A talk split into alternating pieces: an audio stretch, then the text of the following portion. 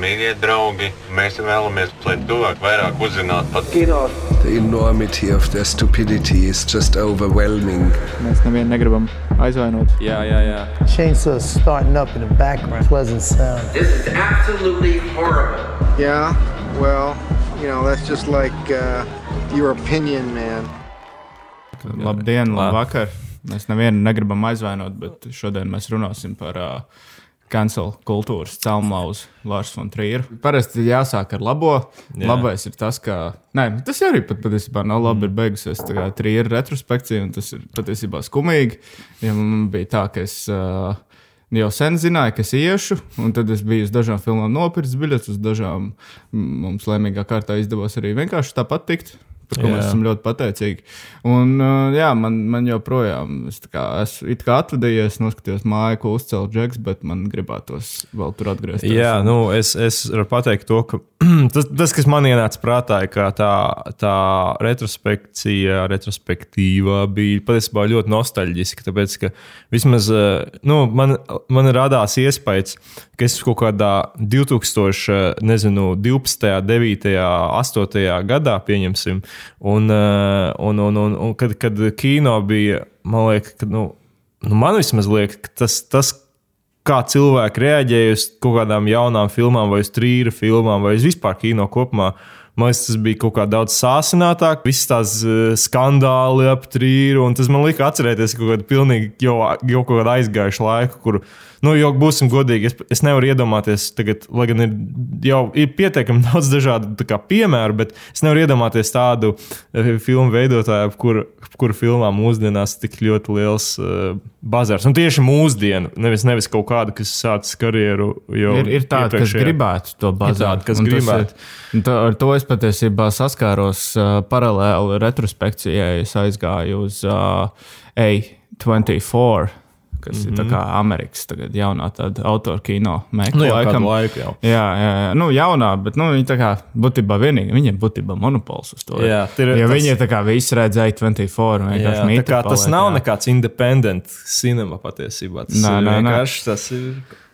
Bet viņiem tagad ir jaunais Džeks, uh, arī Asters, kur uh, cilvēki, nu, kā Skorsēs, es nezinu, Skorsēs bija pateicis, ka tā ir tā viena no svarīgākajām balsīm mūsdienu kino, bet uh, man, ir, man tas tā kā baigi vairs nepārliecina, jo, nu, Džeims Kamerons arī ķipa respektabls Džeks ir, bet, nu, viņš, piemēram, tur visas tās jaunās Terminator filmas teica, ka labāks par oriģinālu man ir tā, ka, nu, visam ir savu cenu, visiem šiem teikumiem. Nu, jāņem vērā arī, ka tomēr. Uh tas ir tie visi bieži vien tādi PR, PR pasākumi. Un, un, eh, un es neteiktu, ka tas, kas tur sēž, pasakā, ka šis ir labākais, automātiski nozīmē, ka kaut kas ir labākais. Es, Ir, ir, nesen tieši bija eh, saraksts ar Scorsese Guilty Pleasure filmām. Liekas, es redzēju, kaut kādā. Nu, varbūt tā bija laba saitā. Guilty Pleasure. Varbūt, jā, un tāpēc eh, nu, viņam vienkārši.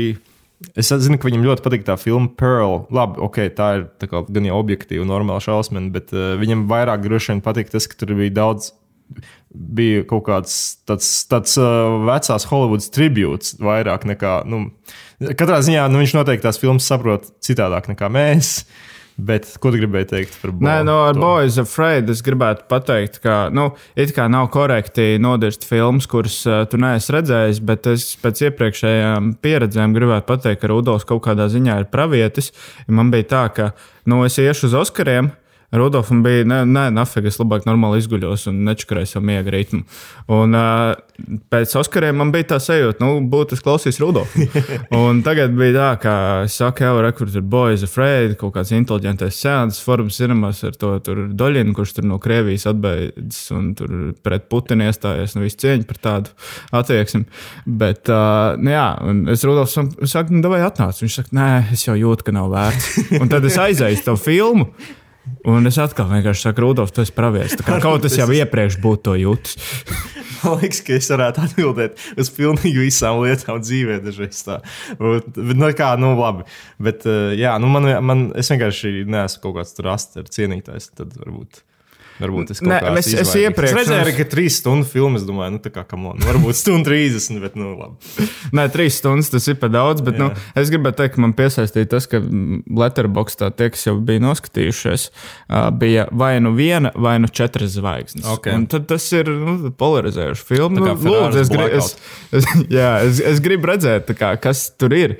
Un man ar to filmu. Viņai ir ļoti interesanti tas, ka viņa ir par Džeku ar trauksmi. Un Walkins Phoenix, es teiktu, ka viņš ir viens no mūsu paudzes, kā, nu, nu, kā mūsu paudzes, nu, dzīvajiem, labajiem aktieriem, kurš kā, ir gatavs kaut kādu huņu darīt, un yeah. kurš vēl nav cancelots. Iedomājieties, ja pārsvarā viss šī te tev parādās kaut kāds Džeks, un tev liekas, ka ir baigais potenciāls, viņš var tik plašu spektru nospēlēt, nu, drīz vien tev parādīsies ziņas, ka viņš ir sievas sitais un tā tālāk. Jā. Kas, piemēram, šo Jonathan Majors notika, kurš ir Krīdā un Antmanā, un viss, nu, Džeks būtībā oh. Visu Disney impēriju tagad ir atšķirējis ar to, ka kāds pieķēra, ka viņš sievu pizģi.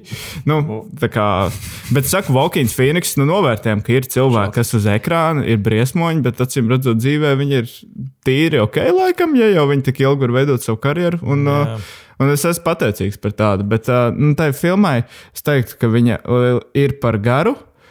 Un visu laiku ir sajūta, ka tas ved uz kaut ko ģeniālu, bet tu gaidi, kas būs tas ģeniālais. Un bija tā, ka kaut kādas 2 stundas, 30 minūtes es jūtu, ka tur ir potenciāls, un tad ir beigas.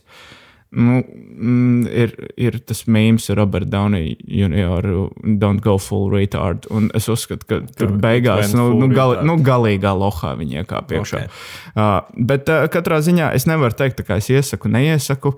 Tā ir pieredze. Es zinu, ka ir cilvēki, kuriem tas ļoti patīk. Es kā, nu, iesaku pašam tam iziet cauri. Jo, yeah. ja tu pēc filmas vari pateikt, ka viņi tev tik ļoti riebās, nu, tad kaut kā, nu, tur bija kaut kam jābūt, lai tādu emociju izraisītu.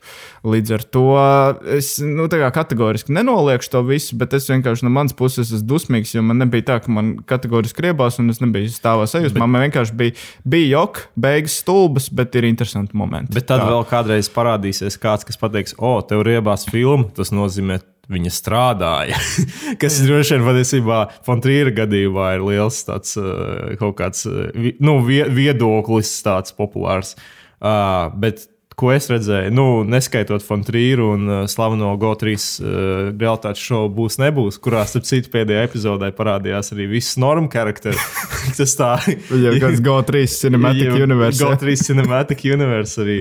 Es arī varbūt varu ātri piebilst to, ka tas, eh, šis realitātes šovs iesākās samērā cerīgi, bet eh, nu, mēs esam jau 4. vai 5. epizodē. Un, eh, nu, var, var just, ka kā viens no labākajiem karakteriem ir prom no turienes, un viņiem vienkārši kļūst, viņi nonākuši izmisumā, sāk mest jaunus cilvēkus iekšā, kur nav tik interesanti. Un, un sāk tur, nezinu, ļoti tur, tur piemēram, pusi no sērijas. kaut kāda- Un ši, nu, katrā epizodē kaut kāds sponsors tiek atrādīts, tad vi, vai, vai, vai, vai kāds, kas ir palīdzējis. Un tad, piemēram, pēdējā epizodē bija vienkārši 20 minūšu gara Dantas pēc olī.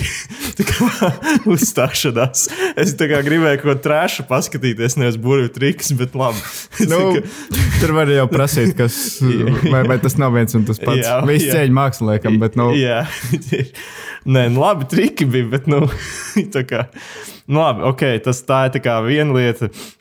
Nu, bez Fontrīra es šo to esmu paskatījies. Es, pieņemsim, viena no manām mīļākajām lietām, ko es redzēju, bija.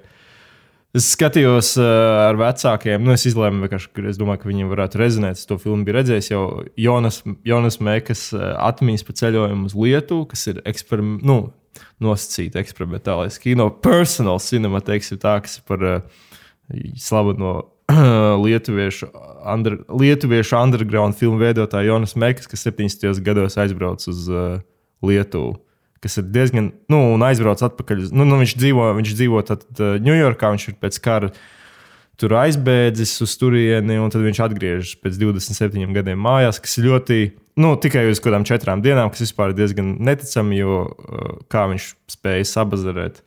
Kā viņš dabūja respektu, no, kādā veidā viņš vispār tika līdz tam ciematam.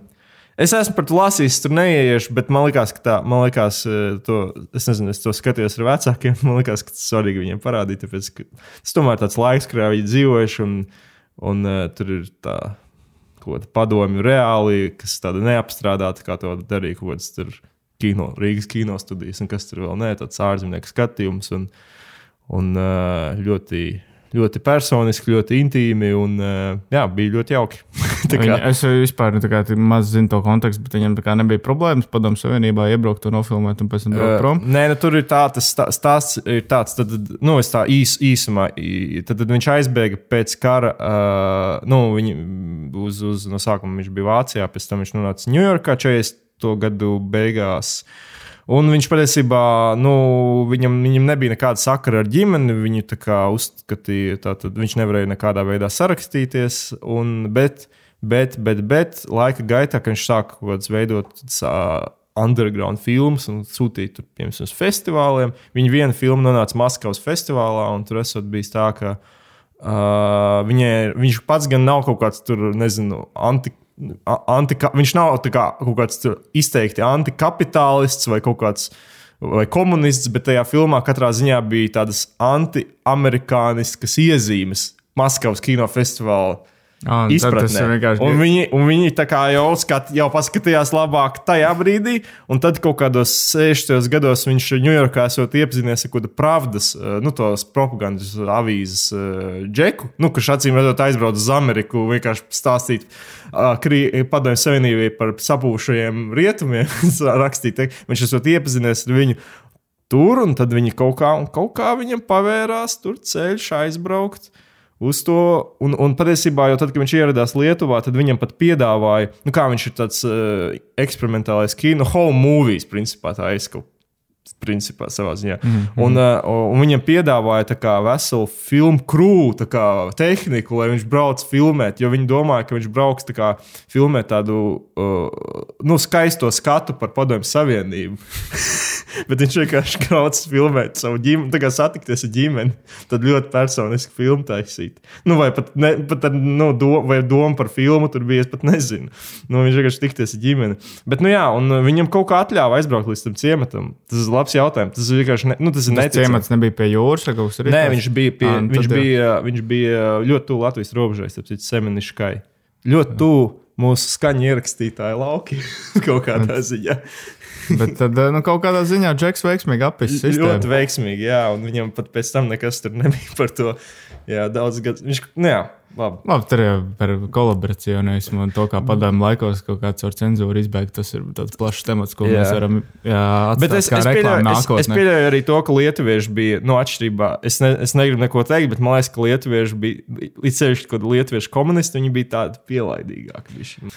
Es kā, kaut kad es esmu uh, pozitīvs lietuviešu saticis un trijos no rīta kaut kur Jā. citur pilnīgi attapies. Tā Kā, nu, man, man nekādas negatīvas saķeršanas. Mēs tiešām ar tiem džekiem esam brīvļuks, un es ļoti lepojos viņu kino industrijā. Viņiem fucking Černobiļu filmēja arī. kā Viņi, viņi vi, visu cieņu, viņiem arī tas redirected ir, ā, kas ir miljonu nopelnījis Lietuvas robežās. Mums, man liekas, kā nu, Rīgi. var- Rīgas sargi. Es nezinu. Es esmu dzirdējis, ka Swinger kaut kur pār 500 pakām nopelnīja. Rīgas sargi. Bet no Rīgas sarga un redirected, nu tā tomēr uh, ir, atšķirība. ir, ir bišķiņa. Nu, bāz, bet runājot par Rīgas sargiem, šis te grauba bija tajā Latvijas televīzijas spēlē VIP.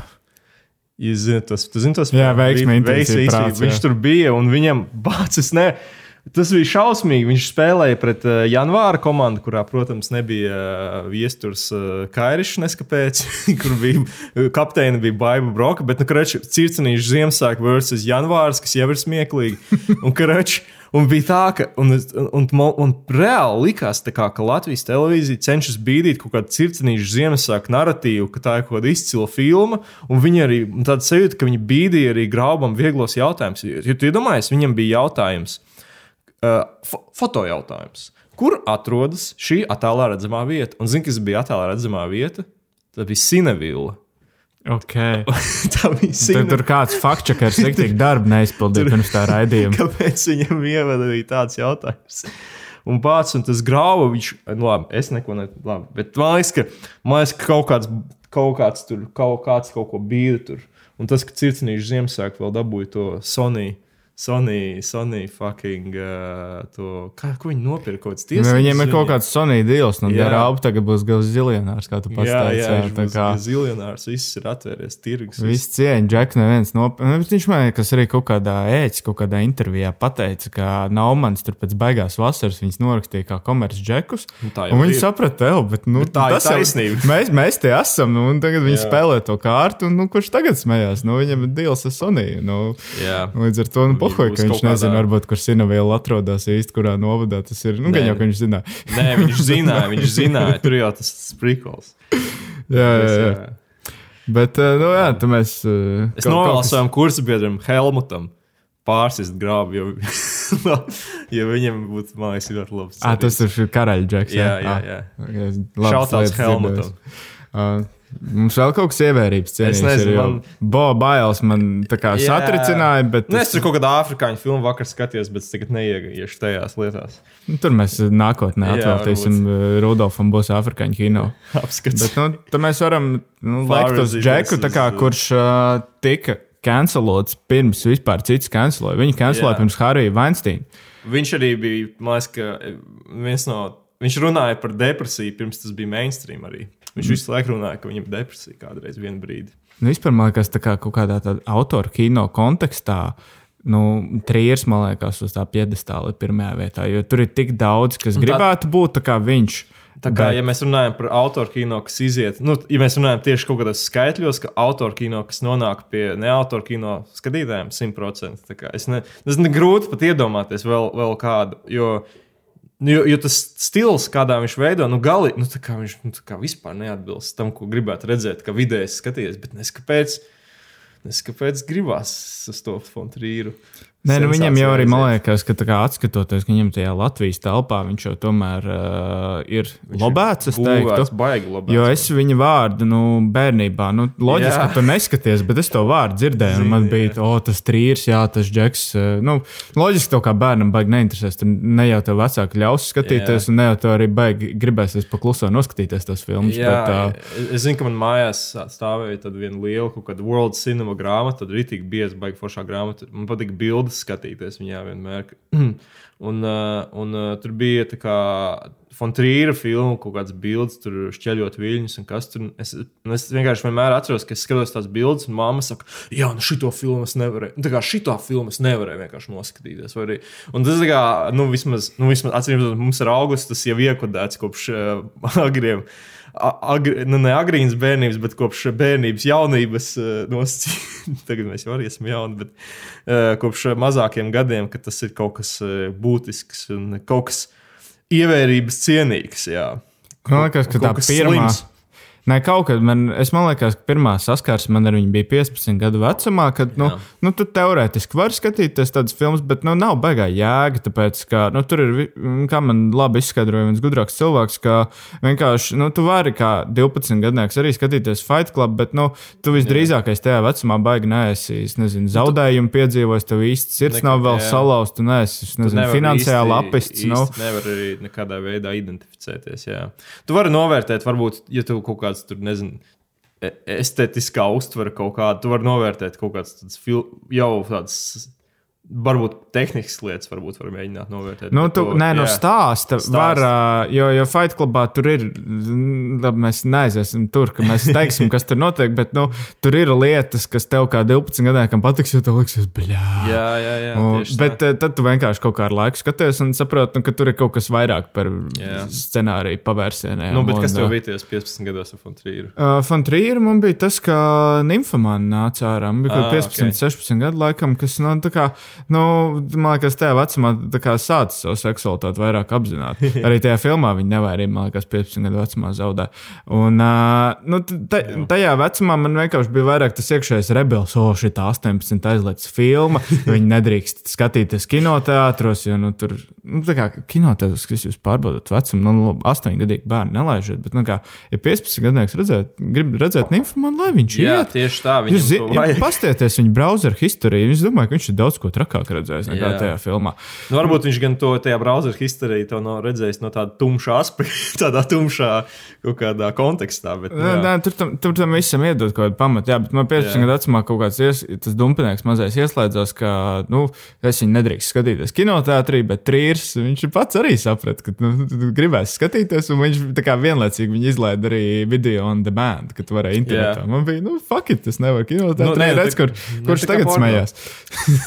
Tāpēc nu, kā, gan kino, gan, gan, gan on demand. Nē, man pirmā bija viņa agrāk, man liekas, eh, nu, neskaitot tās reizes, eh, tās, tās bildes, ko es tur redzēju, bet man bija ļoti interesanti pieredze filmu Melanholija. Tāpēc, ka man, liekas, tas bija kaut kāds 13 gadi, man liekas, tad es arī sāku pakāpeniski interesēties par kino. Uh, ļoti lielā ietekmē no šiem diviem personāžiem, kas stāv mums uz galda, viņa sejas, Normans Nāmans un lai viņam viegli smilts un dita rietuma. Uh, jo es skatījos tās bumbiņas, ko viņi vienmēr zvaigznītes, ko lika filmām, un es arī kaut ko lasīju, un man bija ļoti interesanti. Un, uh, un es nezinu, kāda iemesla dēļ, vai man piedāvāja. Man liekas, ka tā nebija mana in- iniciatīva. Man liekas, ka tā nebija. Un es gāju, es, es biju uz, uz, uz nevis nymphomānu, bet uz melanholiju 13 gados. Un, uh, tā bija tāda agrīna, ļoti agrīna saskaršanās ar pišķiņu, pārāk smagu kino varbūt. Lai gan Tagad, noskatoties, Tagad ir smagi. Nu, bet katrā ziņā, katrā ziņā toreiz, un es atceros, mēs noskatījāmies to. Un man jau, un, un es pirms tam vēl ar uh, animācijas ilzi runāju. Tajā pašā dienā viņi, viņi kaut ko mēs runājām. Un Es biju pulsņa aizgājis, un te- es viņai saku, nu es šodien neju uz melanholiju. Viņa saka, uz, uz melanholiju, kā, kā koku, uz fontrīru. Tas, tas, t- ko? Tu vecākiem nopietni? kaut kāds zvanījuši. Nē, tā kā kāds, es tāds, jā, jā, nu, bet būs jau labi. Kā, un, un, eh, un, un es biju to sēnesi, un mēs eh, skatījāmies, un man bija diezgan liels emocionāls pārdzīvojums. Nu, līdzpārdzīvojums, jo tā ir nu, spēcīga filma. Un, eh, Un es, es vēl atceros, kā mēs pēc tam mēs izgājām no Splendid. Mēs gājām kā, uz, nu, uz mašīnu, un uh, bija vēls jau vakars. Tēvs un mamma kaut kur runā par to, nu, to filmu, kādu iespaidu atstāja. Un, kad mē, viņiem patika tā filma, atšķirībā no šķeļot viļņus vai, vai dejotāju tumsā. Un viņi, tāda, un, un, viņi jautā kaut ko man, un es saku. Nē, man vispār nekādu iespēju neatstāja. Nu, vispār tā kā, nu, tur jau nekas tāds nebija. Vispār, tā kā. es pēc tam trīs nedēļas par to filmu domāju. Tas, nu, jā, tā bija tāda uh, varbūt parāda saskaršanās. Bet, uh, okay. Es, es domāju, ka tas ir liekas, tāds eh, drošākais variants, un arī par me melanholiju runā. Tā ir tāda filma, ko visi varētu, Varētu skatīties, no skatīties, trījera, jo nu, nymphomānu vai tur džeku vai mm, to Bjorkas Bjorkas dārts. Dancer, Nu, jā. nu, nē, es zinu, ka, Tas piemēram, idiots man- arī nedod skatīties bērnam. tā Kā, À, bērnam, nē, bet tā kā vispār man liekas, ka tur ir ļoti tāds šaurs lokus, kas ir ar atvērtu prātu. Jā, jā, jā. Vispār var nākt tām filmām, kur nebaidās tikt uh, aizvainot Jā. kaut kādā ziņā. Bet nu, melanholija ir, es teiktu, drošākā filma, un gan, tāpēc jā. viņš pat kaut kādā intervijā no viņas ir atteicies. Viņš, kā, viņš, noskat, nu, viņš, div, viņš teica, ka viņš divus gadus pie tās filmas ir pavadījis, un ka tagad viņam kaut kādā ziņā kauns ir, un ka viņš grib ņemt savu vārdu no titriem ārā. Jo man liekas, ka viņš tā kā. Nu, labi, mēs tā baigi nespoilējam, bet nu, tā filma pa pasaules galvu. Kā tev liekas, kas tur bija noticis? Jā. Un, uh, Pat, un. Nē, kā, nav jau jāspēlē, tāpēc ka filmas pirmajās divās minūtēs viss tiek izspēlēts. jā. Patiesībā. Nu, tā kā, nu, tur, jā, kā, kā teikt, par trījus filmām, ka tas nav par galamērķi, tas ir par ceļojumu. Jā. Jā, un ar uh, melanholiju vienkārši viņš man liekas vīlies, ka tā ir tā retā filma, kur tev beigas nav kaut kāds pisens pie imūnsistēmas. Jā, tā gan. Un, un, un Melanholija, man liekas, arī bija tāda filma, kur. uh, Nu, viņa bija tā kā, tā, Lat, vismaz Latvijā, ir tādas filmas kā Melanholija, Dižais skaistums, tur Sorrentino un kas tur vēl, uz kuru iet tā kā tādas tantes gados, oh, nu šī ir tā skaista, nu būs jau smagi, bet nu, tā jau tā skaistā filma ir. Un tā, mm. un man liekas, viņai bija bišķiņ tas vibes arī. Bet, bet nu, katrā ziņā, nu vismaz man 13 gados apzināties to kaut kādu pasaules gala sajūtu un to sabrukumu un to vēl to dualitāti, ko spēlēja abas tās galvenās. Bija Dunsta un Gensburga bija otra. vai Jā, tagad- jā, jā. jā t- tas bija. Nu, un vēl, protams, pirmā saskaršanās tik raustīga kameru laikā, kad uh, še, tik, tik, tik saraustīts filmējums vēl nebija kļuvis par absolūtu mainstream.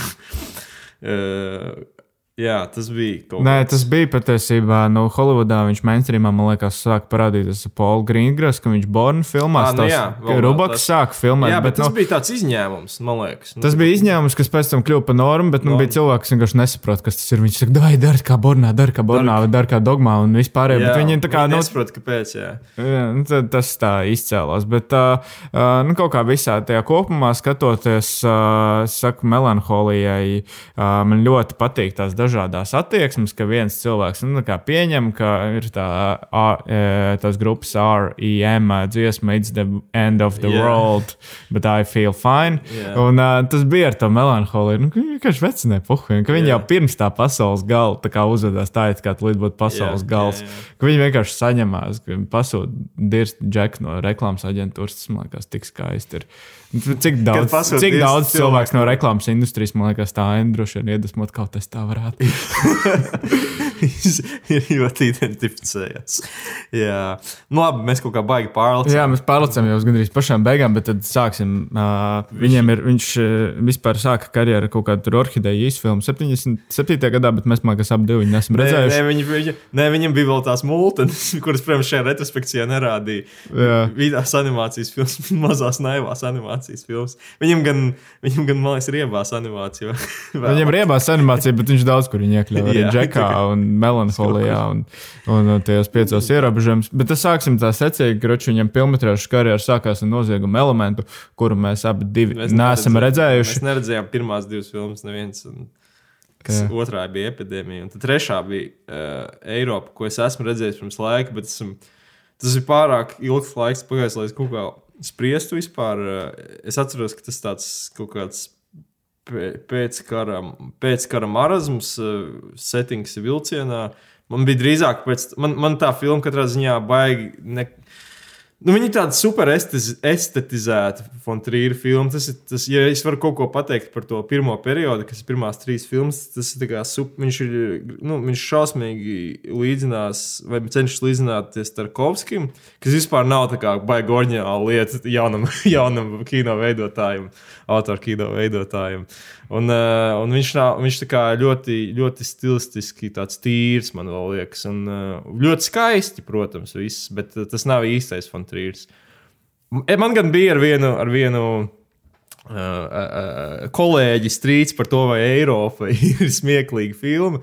Uh, bet es ne, nu, katrā ziņā viņa var likties smieklīgi, jo tur ir tāds daudz tādu, man liekas, ka kaut kāds tāds vecās Holivudas tribūts. Tur nu, tas saistīts ar pēckaru tur tādas lietas. un Tas var likties kā, kā parodija, bišķiņ, tos tajās tēlu uzvedībā un manierē, kā viņi runā. Bet es negribu par to runāt. Es, ne, es to filmu ne, neesmu redzējis. Jā, kādu- tomēr arī atkal būs šito izgriezīsim, ka Jā, kaut ko ne citādāk tā kaut ko vispār, kaut ko Tas ir, ir saistīts ar holokaustu, otro pasaules karu. kaut to pusi. jā, nu tur ir. Nē, nu, saku, bet tas nav. Manuprāt, es to neuzskatu par īsto Fontrīru, par to Fontrīru, ko viņš ar sevi pieteica ar to filmu.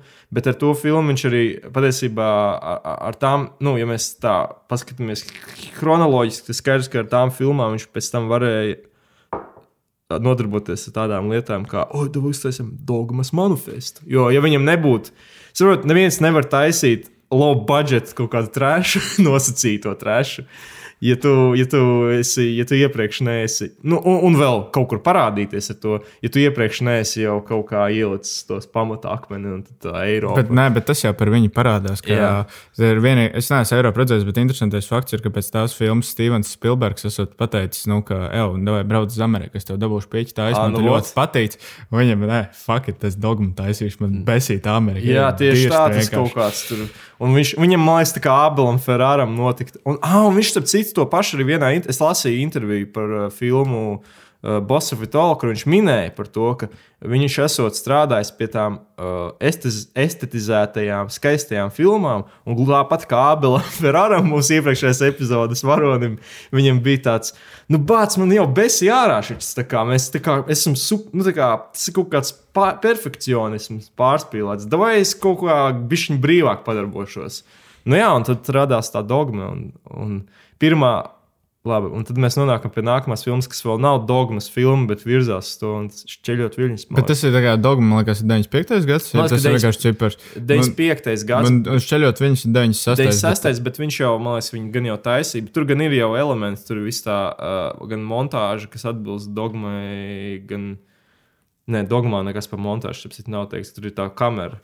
Tur ir tā, tā jau, jau, jau par, jau par, es nezinu, par rokrakstu kļūsi rokas kameru, jā, šķeļot viņus. Tu tagad redzēji? Ah, tu neredzēji. Nē, es tagad. viņu redzēju agrāk, bet es saku, Jā. ka dažām trījiem filmām ir, ka tas pārdzīvojums pirmā reize ir tik liels, ka tu negribi tam vēlreiz iziet cauri. Un tie tas tā kā Uber mazohists, mm -hmm. ka es nezinu, tev ir nezinu, kaut kāda bēdīga pieredze, ka tu esi apkrāpts vai es nezinu, pamests, un ka tu Jā. gribētu vēlreiz atgriezties tur un izdzīvot to. Jā. Nu, vai bēres aptuveni. Man čoms noskatījās to Breaking the Waves un pateica, ka nu, pēc tas filmas ietrāk, ka tu no bērēm esi iznācis ārā. Nu, ir, nē, bet, bet, es, bet tādā ziņā man liekas, ka Breaking the Waves pat ir vēl diezgan, kā arī tur, man liekas, ka kino, nu, tajā lektorijā pirms filmas teica, ka tā ir paradoxāli, lai cik bēdīgi tā filma beigās nebūtu, viņa ir viena no retajām, kur beidzas ar cerību. Jo tur ir tas aina, nu, Ar tiem zoniem, ja? jā, jā, jā. Spoiler alert! Nu, Tur zvani. tie ir zvani vienkārši. Jā, un, eh, bet, bet tur arī tajā filmā, man liekas, ļoti. Kas man skatot, es viņu pirmo reizi redzēju, tagad kinoteātrī vispār. Jebkad redzēju pirmo reizi. eh, Bet kas man, ko, ko jau es šeit pamanīju, un kas man višķiņi arī tracināja, eh, kur, kas varbūt aizies tādā hardcore jau par filmu Answer in the Dark. Uh, ka, ka, ka Fontrīrs, nu, viņš ir svoločs. Viņš ir tāds, viņš ir tāds, viņš ir tik uztaisījis, tik manipulatīvu to, nu, premisi. Nu, jo, jo, nu, kam on, tur ir galvenā varone, ir tā kā visnaivākā, tā kā visnaivākā meitene, kādu mēs varam iedomāties. Un loģiski, un loģiski, ka mums viņas paliks žēl. Un loģiski, un arī tā aina, kur, kur kā sauc to aktieru, kurš spēlēja to. Nu, kas, kas? Stelans, Stelans, eh, Skarsgård- Skārsgors. Skārsgors, Stelans, kroč. Stelans, Stelans dabū. Tur ir tā epizode, kad viņš strādā uz tās naftas platformas. Un, eh, un tu jau saproti pēc tās filmas, visas tonalitātes. Ka, nu, ja viņš aizbrauc prom uz naftas platformas, ja mums ir tas supernaivā meitene mājās, un viņš aizbrauc, tad tu saproti, ka būs dīrsā. Tā kā būs dīrsā, un, ir- un tur vēl tā struktūra, kā tā aina tika nofilmēta, nu, kā, kā viņa tiek izspēlēta, ir vienkārši fantastiski. Vienkārši. Tā tad Stelans. Tad, tad ir situācija, ka kaut kas sprāgs tur, džeks nokrīt, cits džeks nokrīt uz zemes. Un, un visiem tāds, oh, kas notika? Kas notika? Varbūt viņš ir miris. Stelans arī uztraucās. Un tas džeks, protams, haha, tas ir joks, jā, haha, nekas nav noticis. Un pēc tam, un tajā brīdī, kad viss smējās, Stelans dabūja kaut kādu metālu pa galvu. un principā beidz savu dzīvi. Nu, ne gluži beidz savu dzīvi, bet, eh, bet tajā brīdī liekas, ka beidz savu dzīvi. Un, un ar šitādiem paņēmieniem viņš eh, baigi. Nu, nu jā, nu, tas tur ir tāda, tā ir tāda melodrāma, bišķiņa, un tev kā skatītājam, nu, man vismaz ir tas, ka es it kā identificēju to, it kā ir smagi, bet es identificēju to, cik, cik atklāta manipulācija tā ir. Un tas man visu laiku ir da- šādās tieši filmās. Bet, uh, ko es gribu teikt par dejotāju, tum, par, fu, ne, protams, par dejotāju tumsā, bet Šķeļot par viļņu. šķeļot viļņus, ka man patīk skatīties to filmu, jo viņai ir, tur ir daudz tie tēli, kas, eh, nu, t- tā principā filma ir par, man, man es to uztveru par racionalitāti pret, pret ticību. Nu, racionalitāte pret ticību ir tas, kas ir tā- tās filmas kaut kāda pamatēma un pamat tāds konflikts, nu, ka respektīvi ir tā besa, kas darīs pilnīgi visu, ko tas Stelans viņai saka, jo viņi tic vienkārši, ka tas palīdzēs kaut kā atgriezt viņu pie dzīves, un tad ir tas Uh, viņas ārsts, kas visu laiku, kurš ir superracionālais un to noliedz, un tad ir tā cīņa. Un tā patiesībā ir atsauce jau uz, tur ir tāda drēja filma, or, orde, or, or, vārds, spiesto, spiesto sešu gadu, tāds ļoti slavens filma, nu, Dāņu arī filma, kas, nu, tā, kur arī ir līdzīga tēma. Un uz Bergmanu tā ir atsauce. Tas, man, tas jau, man, protams, uzreiz liekas interesanti, kā cilvēkam kaut kas šāds lietas patīk. Bet, uh, nu, respektīvi, tur ir mūžīgi tāds uh, zem tā storija, emocionāli, superemocionālā. Tur ir tāds ļoti interesants intelektuāls konflikts. Un tas, tāpēc man liekas, ka par spīti visām. Un arī viņi ir tādi komiski bieži vien. Ir sevišķi, kur uh, tā besa pārģērbs par prostitūtu. tā kā jo viņai liek, principā, un tad viņi jūtas super nērti. Tur ir daudz, jūtas, daudz komiskas vietas, un tas man pat patīk. tajā filmā. Bet tā ir fucking manipulācija. Nu, bet Jā. uh, man patīk arī, ka pēc tās filmas varbūt cilvēki uzzinās, ka tā tur dziesma every day, ka tā nav esa proki dziesma. Ka Viņa jā. īstenībā saucās In a Broken Jā. Dream. Un viņa, ja man arī agrāk bija, kas dzird to sākumu, un tad ir. Es klausos, un tad ir tā vieta, kas sākās ar proki, un viņi izslēdz ārā. Ok. Un tad dzirdi, ka patiesībā tas vienkārši paņemts no citas foršas dziesmas, kas ir pilnā garumā, ļoti baudām. Bet es pareizi par tiem iestrādājumiem. Tur bija tie iestrādājumi, mūzikas iestrādājumi, tā kā tādas pārējas, un, uh, nu, kas ir nodaļu, nodaļu filmu daļās. Sanāk, tā. Jā, un, jā. uh, un man liekas, arī tā lieta, tā kā, nu, super, nu, viņš tā izdomājis. Nu, kā, ir, iedomājies, tu esi, nu, nu, piemēram, pienācīgais vecums, kurā skatīties, uh, es domāju, to, to Breaking the Waves ir, nu, kaut kāds, nu, tur, Nu, sākot ar 20, 20, nu, 25 tur, un daudz jau kaut kādu, nu, 30, čet- nu, respektīvi cilvēki, kuri ar to mūziku ir izauguši. Ja? Un, iedomājies, un tev kačā šī tāda depresija virsū, un pa vidam iestarpina tādas nostalģiskos, nostalģi, un, tā, un, un loģiski tas veido tādu, nu, tas ir liels kontrasts, un, un tas ļoti kaut kā ievelk to skatītāju. Man, pieņemsim, Man, man arī nostrādāja, tad, kad bija tas uh, Life, uh, life on uh, Mars uh, dziesma pirms bērniem. Tas, mm -hmm. tas, man pilnīgi likās, ka teorētiski tā filma varētu beigties arī tur. Nu, kā, ja viņš pavilka ilgāk tieši to dziesmu. Jā. Bet, un turpinot par manipulācijām, es jūtu, ka tev ar dejotāju tumsā tas jau vairāk sāk krist uz nerviem. Jo dejotāji eh, tumsā ir next level. Jo Breaking the Waves vēl ir tā, bet dejotāji tumsā vispār ir. Jā. Bet tā, nē, tur ir laikam mēs atšķiramies. Man dejotāja tumsā laikam ir favorīta no trījuma. Jo es viņu varbūt nesaskatīju kā manipulāciju. Es uzskatīju, ka kā, tas ir vienīgais veids, kā pasniegt to ideju, kur es redzēju, tur pamatā. Mm. Jo it kā runā, ka viņam tā Dogvila Manderlēja, ka tās ir, un tagad laikam arī e, Māja Kuscēla Džeks, ka tās ir tās anti-Amerikas filmas. Mm. -hmm. Bet man liekas, ka dejotāja tumsā ir tā kā viss anti-amerikāniskākā filma. Es- jo es tas ir-. Jo es viņu redzēju kā neveiksmes stāstu. Tas tiešām ir, eh, un kāpēc viņi arī es dzirdēju ļoti besīgo cilvēkiem Holivudā un visiem, kas ir pro-amerikāniski, kas uzskata, ka visiem ir iespēja, ka šī ir tā kā lielā zeme, visi vienlīdzīgi un tam līdzīgi. Un, uh, un tā filma parāda tieši pretējo, ka tur uh, aizbrauc cilvēks ar kaut kādu veidu, nezinu, disability, Jā. nu, trūkumi, nu, viņai ir redzes problēmas. Viņa Bet viņi ir visnaivākais cilvēks uz planētas. Atceramies, es viņi ir neteiktu, ka Bjorka. viņi- es neteiktu, ka Ar viņi- Bjorku ar, vis, ar visnaivāko balsi. Es- es neteiktu es tikai, saku, es, tikai, ne, sorry, es tikai saku par lietām, kas automātiski strādā uz skatītāju, tā kā heavy. Bet tas, labi. es neteiktu, ka viņi ir. eh, Nu, jā, tur it kā saka, ka tā ir tā kā naivuma triloģija, bet es uzskatu, ka viņi ir ļoti principiāli. Tas arī viņi ieved tajā savā postā, un ka viņi nu, baigi neatkāpjas no tā visa, par ko viņi ir iestājusies. Ka Viņai ir vienkārši viņi ir kā nu, Džons Viks, ka viņai ir reāli, viņai ir mērķis, viņi vienkārši Jā. viņu močī. Un tas parāda, nu, kā tas realitātē var izpausties, ka tev būtībā liels baltādains vīrietis apisīs un viss tev to nojauks Amerikā. Bet uh, es piekrītu par to anti-ameriku, man liekas, un arī. Un, un, uh, nu, es, tā, es tādā ziņā, es pieņemu to dejotāju tumsā, arī es novērtēju viņu kā, nu, kā filmu, vienkārši nu, kā, kā ideju, kā ideju, kā viņa ir eh, konstruēta. Es to novērtēju arī, nu, protams, arī tehniski, jo tas tikai, tikai tā tas strādātu, tomēr, manuprāt. Bet, bet tas mūzikla elements tur ir ļoti būtisks, jo mūzikli, nu, nu, manuprāt, cik es neesmu mūzikla eksperts, bet manuprāt, viņiem vienmēr ir tā uber pozitīvā, vismaz, vis, nu, vis, nu, galvenokārt klasiskajiem mūzikliem, viņiem ir uber pozitīvā tā tonalitāte. Respektīvi, tas būs nu, kaut kāds mīlestības stāsts, tas būs, tas būs kaut kas, kas beigsies ar labām beigām. Viņa, un kā jau pati nu, Bjorkas tēls tajā filmā saka, ka nu, tas ir tā kā Uh, nu, ka, ka mūziklā tas kaut kas tur bezmazliet, nu, delusional laimes iemiesojums viņu visi kaut kādā ziņā.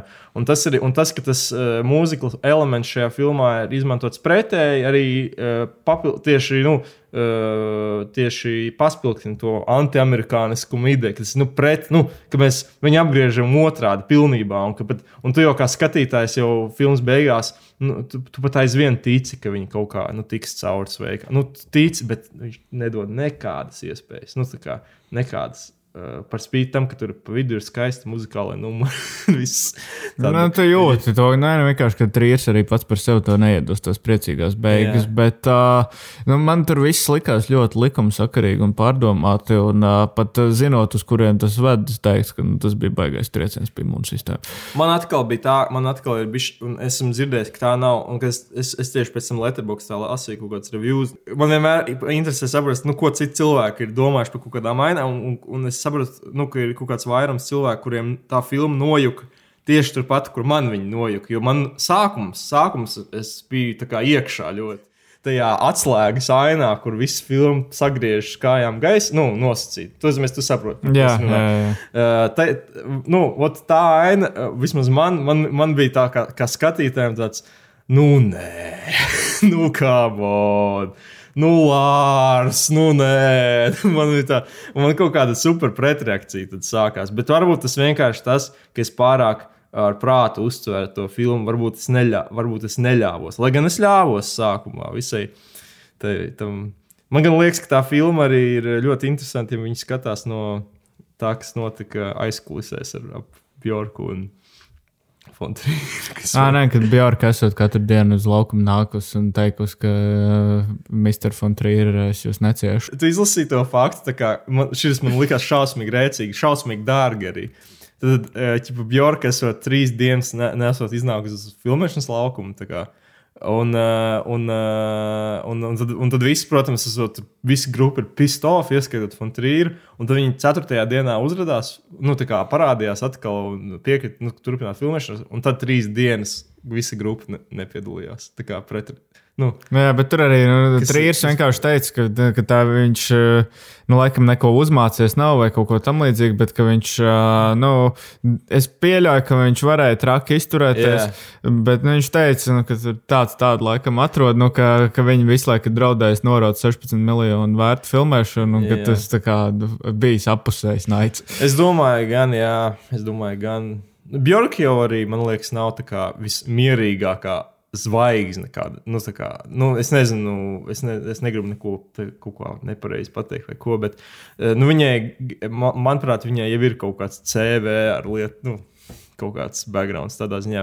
Bet, bet saprotu, ka Fantrīrs jau zināja, ka viņa ir perfektais cilvēks tajā lomā. Un tas tieši par to balsi un visu, visu to seju un visu, lai tas strādātu. Viņš veselu, veselu gadu esot centies viņu pierunāt.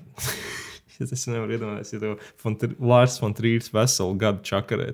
Ja domāju, tev gada vienkārši nāk kaut kāda tāda. Varbūt, varbūt tā bija daļa no tā kā režijas, jo viņš jau tā kā. Davai, davai, davai, davai, kā tā attieksme arī esot bijusi tik briesmīga, jo ka viņa nav profesionāla aktrise un ka viņš kā esot viņu lauzis, lai vispār no viņas kaut ko izdabūtu ārā. Varbūt jau tajā epos tur bija tas, tas pirmais terors, kas viņai ir nepieciešams, lai to notēlotu. Bet, jā.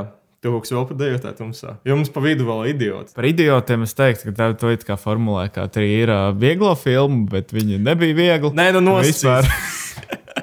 nosacīti. Bet tā ir viņa vienīgā, es teiktu, vistuvāk dogma, nu, tam dogmas manifestam, vistuvākā, manuprāt.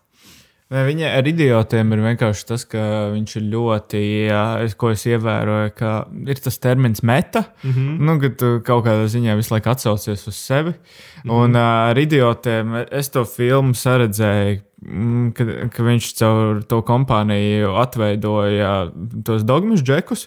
Nu, viņi paši būtībā ir idioti. Vienkārši tā ir kaut kāda ideoloģija, kas strādā ļoti šaurā grupā.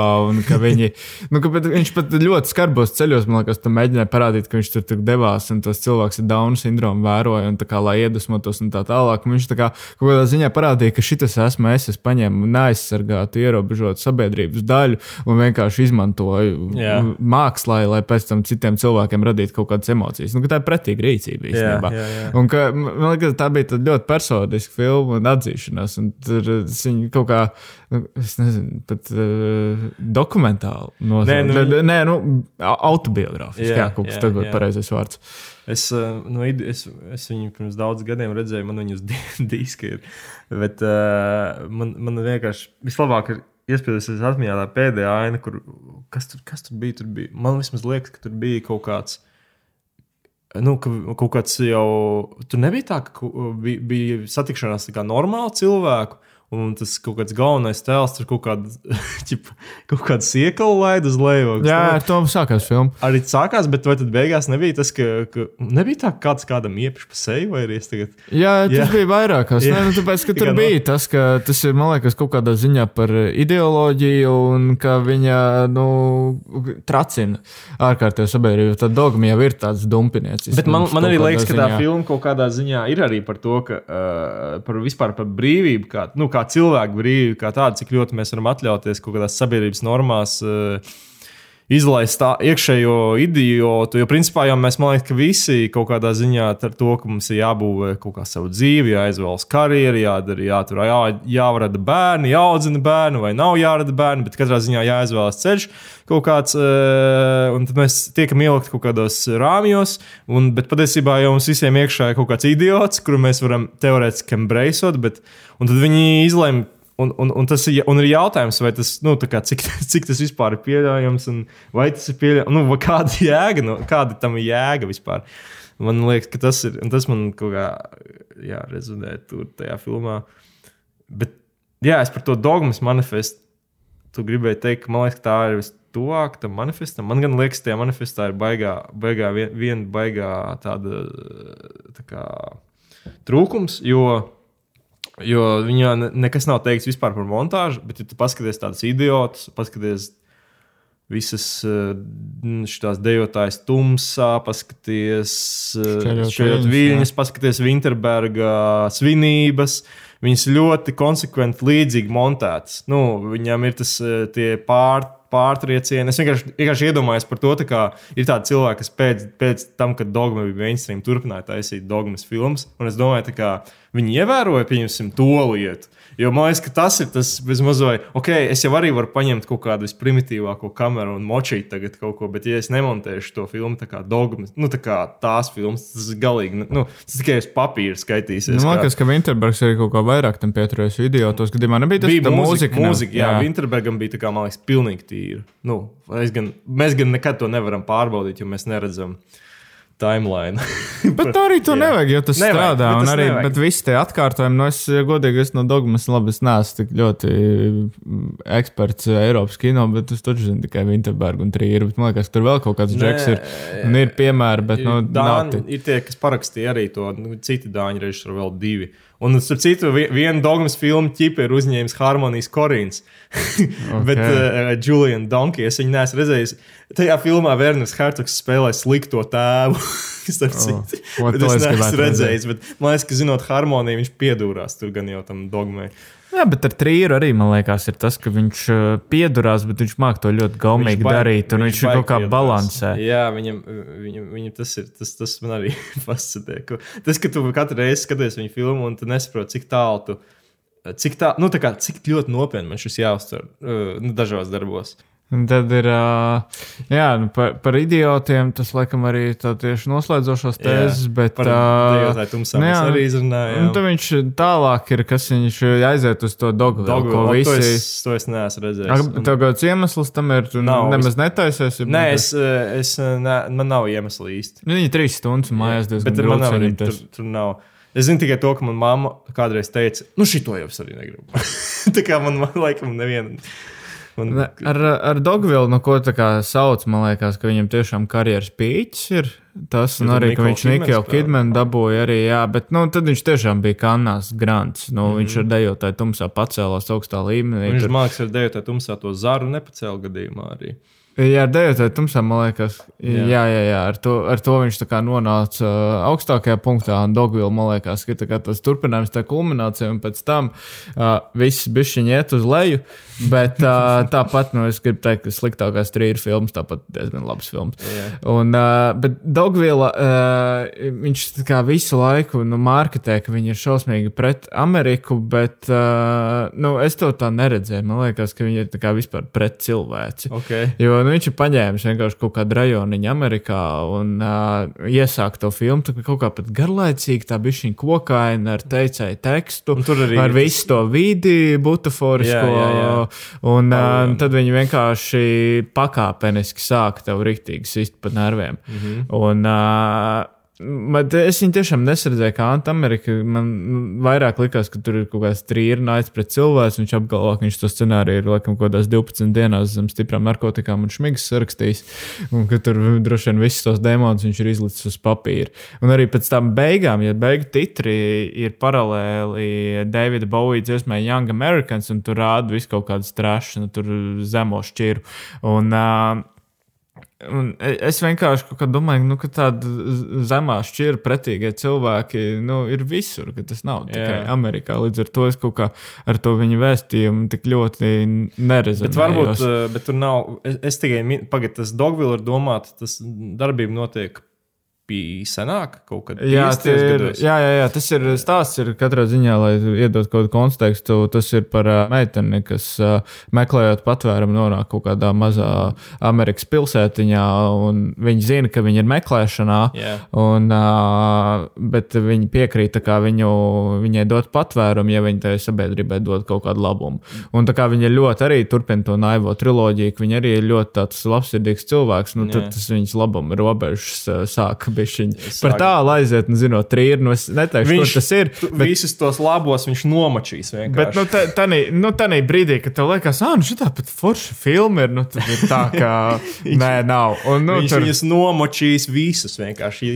Bet, bet tā jau arī ir maģija ar to džeku, ka viņš tā kā nu, zina, ka viņš pazīst savu skatītāju. Jā. Un uh, viņš saprot, kurā vietā tā kā spiest tam dvēseles jūtām, un viņš māca to kino valodu izmantot. Viņš ir tiešām tāds, kurš runā tajā valodā. Mm -hmm. Un līdz ar to es viņu es epizodes sākumā pieminēju pretenciozu huīņu, un es teiktu, ka pretenciozu huīņu ir kaut kāda Boba Bails, kur was? ka cilvēkam ir tā kā idejas, bet nu, ka viņš nemāk runāt tajā valodā. Un trījus tiešām māk, tāpēc vienkārši es vienmēr varu saprast, ko viņš mēģinājis pateikt, un man ir iespējas kritizēt un vērtēt, Jā. nu, kā viņš to ir mēģinājis līdz maniem atnest. Jā, jā, es piekrītu. Bet, bet man, man tagad, es neesmu redzējis Dogville, un es tagad kā, kā pilnīgs čainiks minēšu, ka tam, tam trešam, tas trešs ir kā kaut kāda video no mūsdienas, no mūsdienām nosacīta kaut kāda. Nē, nē, nē, tur ir arī vienkārši viņš ir, nu, titri, tas nav spoilers, viņš vienkārši tu redzēja tos aktierus, kas Jā. ir, un tad tu redzi aptuveni, kas ir prototipi. Un tas bet kaut tā kā nelīmējās kopā. 50. gados. Es ne, tie man liekas, ka 30, 20, 30 gadi ir. Ah, es domāju, ka viņš lika tā kā. Es no sākuma sapratu, ka viņš tā kā no mūsdienu kaut kādu trēšu tur lika. Nē, viņš, viņš parādīja, būti, nē, nu, tas ir Mandelē. Mandelēs titros esot Džordžs Bušs arī ielikts iekšā. ok, nu, labi. ka tur ir kā tas politiskais komentārs, un viņš arī diezgan labi to visu Amerikas kontekstu formulē, ka viņam ir tiesības taisīt filmu par Ameriku, nebūdams tur, jo viņš dzīvo mazā valstī, uh, kur tāpat izjūt ietekmi no Nu, Amerikas. protams, jā, nu, come on, mums tas ir. Tu jau esi no agras bērnības audzināts. Tu zini, kā izskatās Amerikas neighborhoods kaut kāds, vai arī vai kā, kāds, kaut kāds tos uh, stereotipus par to, vai klišejas, vai tipāžas. Tas jau viss ir zināms. Tev jau to kačā jau nu, ļoti, nu, apzināti vai neapzināti, tas cits jautājums. Bet, uh, jā. Uh, kas viņiem tur mandrulē pēc tam? Nu, labi, es neesmu redzējis tās. tā- Manderlē ir arī par to pašu tā, kas Jā. bija Grejs, Nikola Kidmana, un Nikola Kidmana neatgriezās tajā filmā. Un, kāpēc? visu laiku saka, scheduling konflikts, un nevar atrast laiku un tam līdzīgi, bet es domāju, ka viņai arī līdzīgi kā Bjorkai gāja. Jo tur vairāk aktieri, kas saprot, bija iemānīti, ka šis Pols Betanijs nesot gribējis braukt to tur uh, Dogville filmēt, jo, nu, kāpēc mums uz Zviedriju tur braukt, nu, foršu valsts. Jā. Uh, bet tur ir? Stelants, Stelants vienkārši Stelants pateica, ka, nu, bē, pie frī- trī ir riktīgi rēcīgi, vai aiziet patīs. rēcīgi. Nē, nu, to, nē, nu es domāju, ka trīs ir bišķiņi rēcīgs. Jā, bet Jā. uh, es nezinu, man neinteresē tik ļoti viņa diagnoze. Es zinu, ka viņam ir dafigā fobijas un ka viņš visas arī tās preses konferences un pirmizrādes ir pavadījis visādi vieglu vielu afektā. Bet tev neliekas arī, ka tās fobijas bieži vien, teiksim, tas ir tik krūti pateikt intervijā. kā Es uzņēmu filmas par Ameriku, bet man bail braukt, es tā kā ba- bail lidot un vai bail braukt. Ar, nu, kā es nebraukšu uz Ameriku. Principā, Principā viņš varētu, es nezinu, kaut kāds miegzāles paņemt, pārlidot pār tam okeānam. un Nē, uz kanām jau viņš kaut kā aizbrauc. No, nu. ar kuģīti aizbrauc ar kuģīti, man liekas. Bet uh, viņš jau arī laikam, turbūt vienkārši tā ir kaut kāda poza. Bet, Pagaid, nu, Kādu kuģīti viņš ir kontinentā? Ko es tur runāju vispār? Dānija kontinentā. Nē, bet es, eh, nē, es vienkārši. Nu, viņam ir, protams, kaut kāds tēls, bet es gribu pateikt, ka man šī tā retrospekcija, ja bišķiņa izmainīja to viedokli, jo bērnībā varbūt es arī kaut kā. Nu, Nu, es bērniem akciju filmu skatījos, vai kaut ko tamlīdzīgu. Nu, tev tad, bija ā, tāds, tā kā, nu, es akciju filmas, komēdijas. Nē, nu, man, man Jā. vienmēr ir bijis alerģija pret kaut kādiem džekiem, kas ir baigiem mākslinieki un Jā, provokātori ok. un tā tālāk, jo viņi beig, beigās dara sūdu lielākā daļa. Un, uh, nu, kas ir ķipa, nu, dzīvo ar misiju. Un man Jā. liekas, ka pēc šīs retrospekcijas, ka Trīsīs nav tās, kurš dzīvo ar misiju. Viņš ir vienkārši ticis tajā augstajā punktā un viņš reāli uzdirž uz to visu. Gan caur filmām, Jā. gan caur savām publiskajām darbībām. Man viņš patiesībā liekas, ka viņš tiešām saglabā to savu dumpnieku tēlu un ka man viņa tās provokācijas neliekas kaut kāds tukšs mēsls. Nu, man kā kura, man kā, man kā kura, bet ok, nākamais posms pēc Mandrelējas, man, manuprāt, ir viņa karjeras interesantākais posms, jo viņš aiziet vis tālāk no tā, kas man liekas, viņš pats vispār ir. Un tās tās divas filmas, kas man liekas, ir. Paga, pirmā bija pieci ierobežojumi, pēc tam bija Bosovitola. Jā. Jā. Pirmā ir pieci ierobežojumi, ko mēs ar augustu redzējām. Tagad. Es, pirm, ah, es abi pirmo reizi redzējām, tā ir vismazāk zināmā kā Fontrīra filma, un vispār arī daļai nav viņa filma. Mēs varam vienkārši turpināt ar to, ka mēs, mēs nobeigsim ar to, ka mēs paši iekāpjam trījā un uh, apišam klausītājus. Jums Vienkārši nogriežam jums gala jums- epizodē. Vienkārši nav gala. Mēs dalīsim, darīsim tā kā Džilingers, ka viņš izdara to epizodi ar Kaviču. Vienkārši, prosti vienkārši viņi beidzās. Jā, vienkārši beidzās. Pašā pīķī. Es gribētu vienkārši teikt, ka Trīram tomēr viņam ir 15 filmas, un katra ir pelnījusi pietiekami izvērstu analīzi. Mēs tā kā gribam daļēji jūsu laiku zakt. un Es domāju, ka būs forši, ja mēs nedēļā vienu stundu jums nozagsim. Jums būs tagad laiks apsmadziņot, ja jūs nesat redzējuši šīs filmas, un sagatavoties nākamajai reizē, kur mēs detalizētāk sāksim apspriest piecas ierobežojumus, tā visu priekšnieku. Un tad depresijas Nymphomāni, triloģija. Jā, nu, melanholiju mēs jau apspriedām. Bet varbūt mēs saņemsimies arī antikristam. Oh! Es pats nezinu, vai es tam esmu gatavs. Bet katrā ziņā, bet pozitīvi mēs noslēgsim ar Džeku, Jā. kas es teiktu, ka ņemot vērā, ka tur ir diezgan pretīgi kadri, tā ir vieglākā, viena no vieglākajām filmām. Es viņu uztveru kā komēdiju. Kur filma? Maikls. Ah, tā ir visforšā. tā ir ļoti jauka filma. Jā, tur man liekas, ka viņš to savu bullshit artistu piedūrienu pacēla kā nu, augstākajā līmenī. Tā pat iespējams ir viņa pēdējā filma. Bet tas viss sagaida jūs nākamajā epizodē. Nākamajā epizodē. Varbūt mēs vēl kaut ko parunāsim tajā epizodē. Varbūt mēs atgriezīsimies pie onkuļa Abela Ferrara. Tu vari izstāstīt, kā tev bija gaidot vilcienu. Ah, jā, labi. Es atvainojos, tā lai būtu šī epizode, vismaz būtu rēcīga kaut nedaudz. Tad uh, atgrie... es atcerējos, augustam jums epizodes stāstīju par gadījumu, kad es gaidīju vilcienu, gaidīju vilcienu un kā parasti lasīju kaut kādu grāmatu stācijas grāmatnīcā. Un uh, es atšķīru šo skaisto grāmatu, kas mums priekšā 500 visu laiku, visu laiku filmas. Es atšķīru, es neatceros, kuru, kuru fucking lapus nav būtiski. Iepriekš ļoti viegli atradu.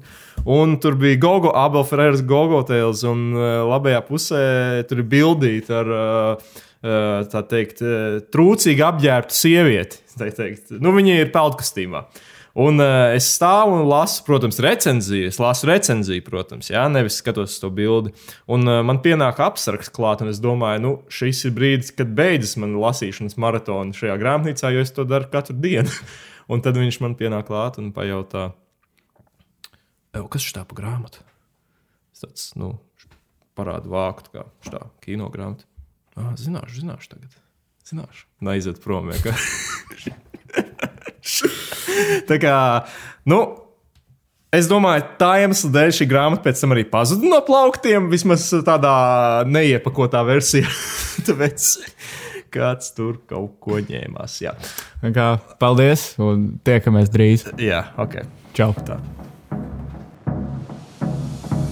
Because it's so much fun, Chan. Get it? Lo vediamo qua. Che lo commentassi man mano che lo vedo. Eh, eccolo qua, guarda. Non mi chiedono Che cosa le ricorda? Tā ir svētība.